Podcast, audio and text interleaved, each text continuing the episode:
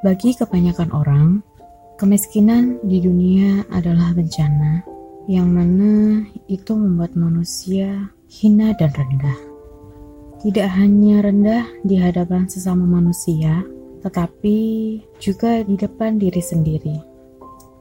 Adapun di depan Tuhan, dia tak sempat memikirkannya karena dia terlalu sibuk mengejar dunianya. Bekerja dia siang dan malam, tak sempat ia bertegur sapa dengan tetangga, bahkan sudah jarang dia bermunajat atau berdoa.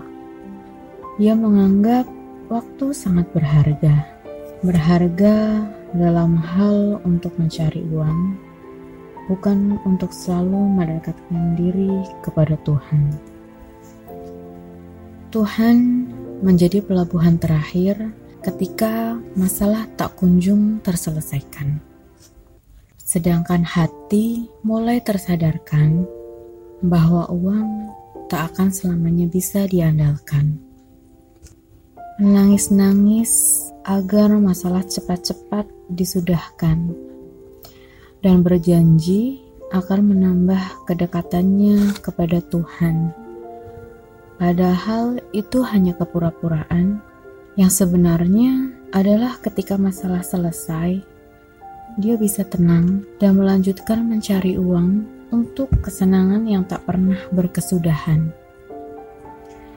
Aku malu karena sering kali aku pun begitu.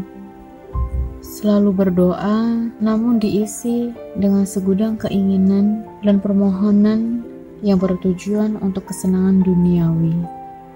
Tak pernah sedikit pun mengucap syukur atas segala hal yang sudah diberi. Selalu memohon dalam hal-hal yang belum dimiliki, tanpa menghayati apakah hal itu akan mendekatkan atau menjauhkan diri kepada Yang Maha Pemberi. Kita kadang merasa bahwa kehidupan tidak adil. Kita yang menanam dan menuai, tapi orang lain yang menikmati dan memakannya. Kita pikir itu tidak adil. Kita yang memulai dan berjuang, namun orang lain yang mengangkat piala dan menerima penghargaan. Kita pasti sama-sama berpikir bahwa itu tidak adil. Dan mungkin memang kenyataannya memang begitu. Namun, mungkin itulah yang sudah digariskan. Allah ingin kita menjadi pribadi yang tangguh dan tahan banting. Karena setiap kondisi adalah ujian bagi kita. Kita dilatih Allah untuk selalu sabar dan bersyukur melalui setiap jalan. Maka percayalah, itu yang terbaik untuk kita. Karena yang terpenting adalah rasa cinta kita pada Yang Maha Pencipta, bukan pengakuan dari manusia biasa.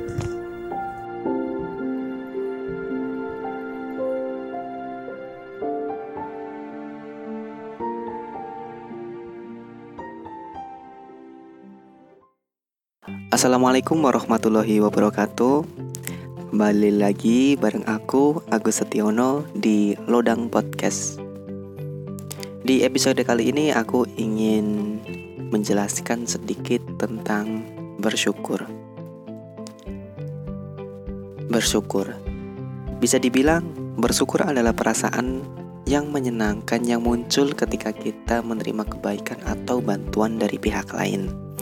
Terutama kebaikan atau bantuan yang sebenarnya itu tidak layak kita terima. Dan hal itu bukanlah disebabkan oleh upaya kita sendiri, melainkan upaya dari pihak lain. Pihak lain di sini itu bisa berupa orang lain, Tuhan, atau alam. Yang pasti bukan kita sendiri, sekalipun kita perlu berbuat baik juga pada diri sendiri. Kita sadar bahwa menerima pemberian atau kebaikan dari orang lain umumnya terasa menyenangkan. Namun, tidak semua pemberian itu membangkitkan rasa syukur. Ada pemberian yang hanya sekedar menimbulkan rasa senang atau rasa impas saja tanpa menimbulkan rasa syukur. Misalnya, pemberian yang diberikan kepada kita karena itu merupakan hak kita karena kita telah bekerja keras melakukan kewajiban sehingga pihak lain memberi imbalan atas kerja keras kita. Hal itu hanya sampai menimbulkan rasa senang saja, belum sampai kepada rasa syukur. Selain pemberian yang hanya menimbulkan rasa senang saja, ternyata ada pemberian dari orang lain yang justru membangkitkan penghayatan negatif, seperti misalnya rasa utang budi. Kenapa hal itu bisa terjadi? Hal ini bisa terjadi karena ketika menerima pemberian dari orang lain, kita kadang merasa keberhargaan diri kita telah dikurangi dan diri kita diletakkan di posisi yang lebih rendah dari si pemberi. Sekalipun misalnya si pemberi itu tidak bermaksud demikian. Namun kita tetap merasa lebih rendah dari si pemberi. Sehingga diri kita tidak menunjukkan perasaan yang hangat melainkan justru perasaan negatif terhadap si pemberi. Alhasil hal itu menimbulkan emosi negatif terhadap diri sendiri dan juga terhadap si pemberi. Selain itu juga menimbulkan kegelisahan dan keinginan untuk secepatnya membalas budi demi memulihkan harga diri dan posisi sosial diri kita. Tapi sebenarnya kenyataan di kehidupan sekarang berbeda dan mungkin malah lebih parah dari itu. yaitu ketika kita diberi atau dibantu pihak lain, namun hal itu tidak meninggalkan bekas apa pun pada diri kita. Seakan hal itu berlalu begitu saja tanpa kita sadari. Kita menganggap bahwa kebaikan itu adalah sesuatu yang sudah menjadi hak kita tanpa kita perlu berusaha sebelumnya. Hal itu karena memang sudah kita dapatkan tanpa kita berusaha keras sebelumnya, seperti contohnya bernafas, melihat, mencium, meraba, dan masih banyak lagi. Kita merasa hal tersebut bukanlah salah satu pemberian, melainkan sudah ada dalam diri kita sejak lahir, sehingga kita terlena dan lupa untuk mensyukurinya. Kita terlalu buta untuk menyadari bahwa itu adalah suatu pemberian, sehingga tidak heran orang yang sedang sakit kadangkala lebih menghargai kesehatan daripada orang yang sehat. Karena orang yang sakit itu sadar bahwa kesehatan adalah suatu pemberian yang harus dijaga, sedangkan orang yang sehat cenderung kurang menjaga dan ceroboh. Karena dia belum menganggap bahwa kesehatan adalah salah satu pemberian. Lalu, bagaimana agar kita bisa merasa bersyukur ketika menerima suatu kebaikan atau pemberian dari pihak lain? Di kesempatan kali ini aku ingin mencoba menjelaskan beberapa cara yang menurutku itu bisa memudahkan kita untuk memunculkan rasa syukur. Yang mungkin sebenarnya masih banyak cara yang lain, tetapi karena keterbatasanku, aku hanya bisa menjelaskan beberapa saja. Yang pertama, Rasa syukur lebih mudah muncul ketika kita menganggap bahwa ada niat baik orang lain untuk membantu kita. Bila kita memandang bahwa seseorang memiliki niat baik yang tulus untuk memberikan bantuan ataupun pertolongan kepada kita, maka niat baik itu saja sudah cukup memberikan rasa syukur kepada kita. Sekalipun misalnya pemberian itu tidak sampai terlaksana atau tidak terlaksana dengan sempurna, Hal itu sudah cukup untuk menimbulkan rasa syukur pada diri kita. Namun sebaliknya, kalau perbuatan baik orang lain itu dilakukan karena kebetulan atau niat baiknya itu tidak terbaca atau terbaca dengan keliru, suatu perbuatan baik yang besar pun tidak akan membangkitkan rasa syukur, malah mungkin dapat menimbulkan kesalahpahaman. Kenapa bisa begitu? Karena niat baik itu tidak sampai kepada si penerima. Misalnya, seorang suami memandang bahwa istrinya telah berusaha keras dan tulus menyiapkan makan malam istimewa untuk menyambut ulang tahunnya. Maka, karena si suami yang menangkap ketulusan dari istrinya, dia begitu bersyukur akan hal itu, walaupun mungkin sebenarnya masakan istrinya pada saat itu terasa kurang enak. Sehingga, ubahlah sudut pandang kita akan niat baik orang lain, semakin mudah kita menangkap niat baik seseorang, semakin mudah pula kita akan merasa bersyukur. Itu yang pertama. Yang kedua, yaitu persepsi bahwa suatu perbuatan baik itu tidak dengan mudah dilakukan, melainkan membutuhkan pengorbanan dari si pemberi. Ketika kita memiliki persepsi bahwa suatu perbuatan baik itu dilakukan dengan sangat mudah oleh si pemberi, dan itu tidak membutuhkan pengorbanan darinya, biasanya rasa syukur kita tidak begitu tergerak olehnya. Misalnya, jika seseorang yang kaya raya memberikan sumbangan yang hanya merupakan bagian kecil atau sisa dari kelebihannya, maka sumbangan itu agaknya tidak akan membangkitkan rasa syukur yang besar.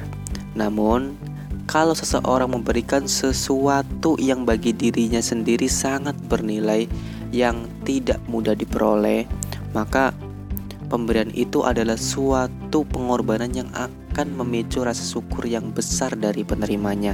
Contoh lainnya misalnya, seorang anak yang menyadari bahwa orang tuanya sebenarnya kekurangan secara finansial, tetapi orang tuanya itu bekerja sangat keras demi bisa membayar uang kuliahnya, bisa jadi akan lebih berterima kasih dan bersyukur dibandingkan dengan anak yang memahami bahwa bagi orang tuanya uang sekolah itu adalah sesuatu yang sangat ringan untuk dibayarkan. Sehingga Ketika kita menganggap bahwa pemberian itu adalah hasil kerja keras dan bernilai bagi si pemberi, kita akan lebih tergerak untuk merasa bersyukur. Yang ketiga, yang ketiga adalah persepsi bahwa si pemberi telah memberi atau menolong bukan sekedar karena kewajiban, atau si pemberi telah memberi melebihi dari kewajibannya. Kalau seseorang memiliki persepsi bahwa pemberian atau pertolongan yang diberikan merupakan kewajiban dari si pemberi, maka umumnya ia tidak akan merasa bersyukur dan berterima kasih kepadanya. Misalnya, banyak anak memiliki persepsi keliru tentang orang tua, bahwa memang sudah kewajiban orang tua untuk memenuhi kebutuhan mereka, sehingga pemenuhan kebutuhan itu tidak membangkitkan rasa syukur pada anak. Namun, bila mana kita melihat bahwa Seseorang sebenarnya tidak wajib membantu kita, tetapi ia tetap memberikan bantuan besar, maka kita akan tersentuh oleh rasa terima kasih dan penghargaan besar kepadanya. Contoh lainnya, misalnya, ketika seseorang yang bukan merupakan keluarga atau sahabat kita, orang yang mungkin kurang kita kenal, atau bahkan orang yang kurang kita sukai, yang tidak memiliki kewajiban menolong kita memberikan pertolongan yang menimbulkan resiko besar bagi dirinya sendiri dan dengan resiko itu dia masih tetap menolong kita walaupun dia tidak memiliki hubungan yang baik dengan kita. Dalam posisi semacam itu, kita akan terdorong untuk merasa bersyukur karena masih ada orang yang rela membantu kita padahal orang itu tidak memiliki hubungan dengan kita yang mungkin walaupun dengan menolong kita dia juga mendapatkan resiko besar pada dirinya namun dia tetap menolong kita sehingga kita akan cenderung merasa bersyukur ketika kita menganggap bahwa si pemberi telah memberikan sesuatu melebihi kewajibannya atau si pemberi memberikan pertolongan padahal itu bukan kewajibannya. Itu yang ketiga. Yang terakhir, yang keempat adalah persepsi bahwa kebaikan atau pemberian itu adalah hal yang bernilai tinggi bagi diri kita.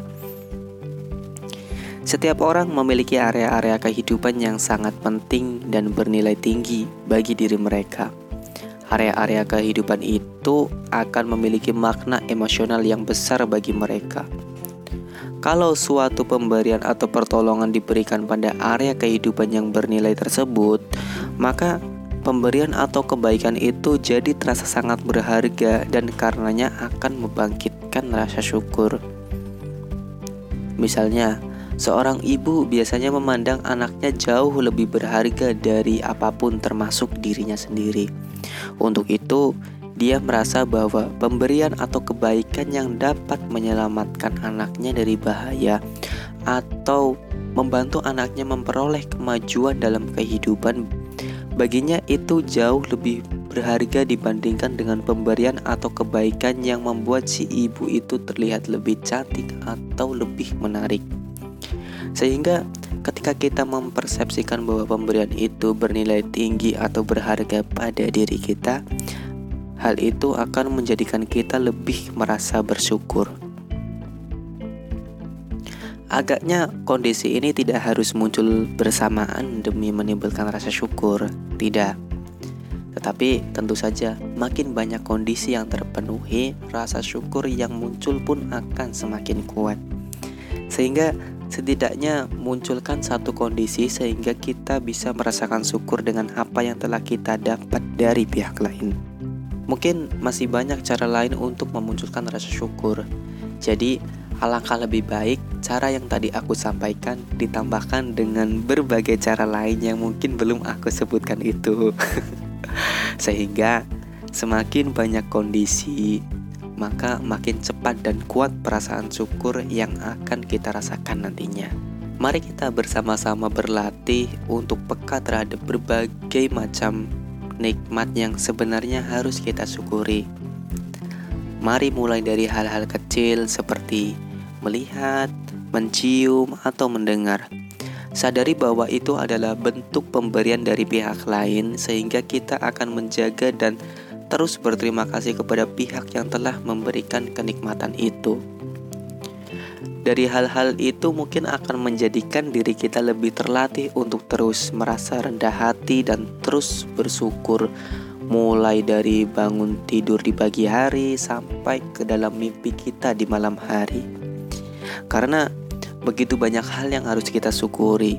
Bahkan ketika kita sadar bahwa kita harus bersyukur, itu pun harus kita syukuri karena kita masih diberikan kesadaran untuk bersyukur.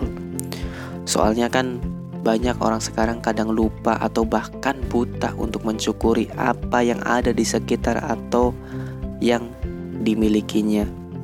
Sehingga mari kita belajar peka untuk mensyukuri segala nikmat yang ada di sekitar kita. Oke, mungkin cukup sekian podcast di episode kali ini. Kita ketemu di episode selanjutnya. Aku mohon maaf jika banyak salah ketika aku menjelaskan dan berbicara tadi. Terus aku tunggu juga saran dan masukan dari teman-teman semua. Oh iya, terus kalau misalkan ada teman-teman yang mau sharing, bisa langsung nanti sharing bareng aku di sini. Oke, baik, cukup sekian dan terima kasih. Wassalamualaikum warahmatullahi wabarakatuh.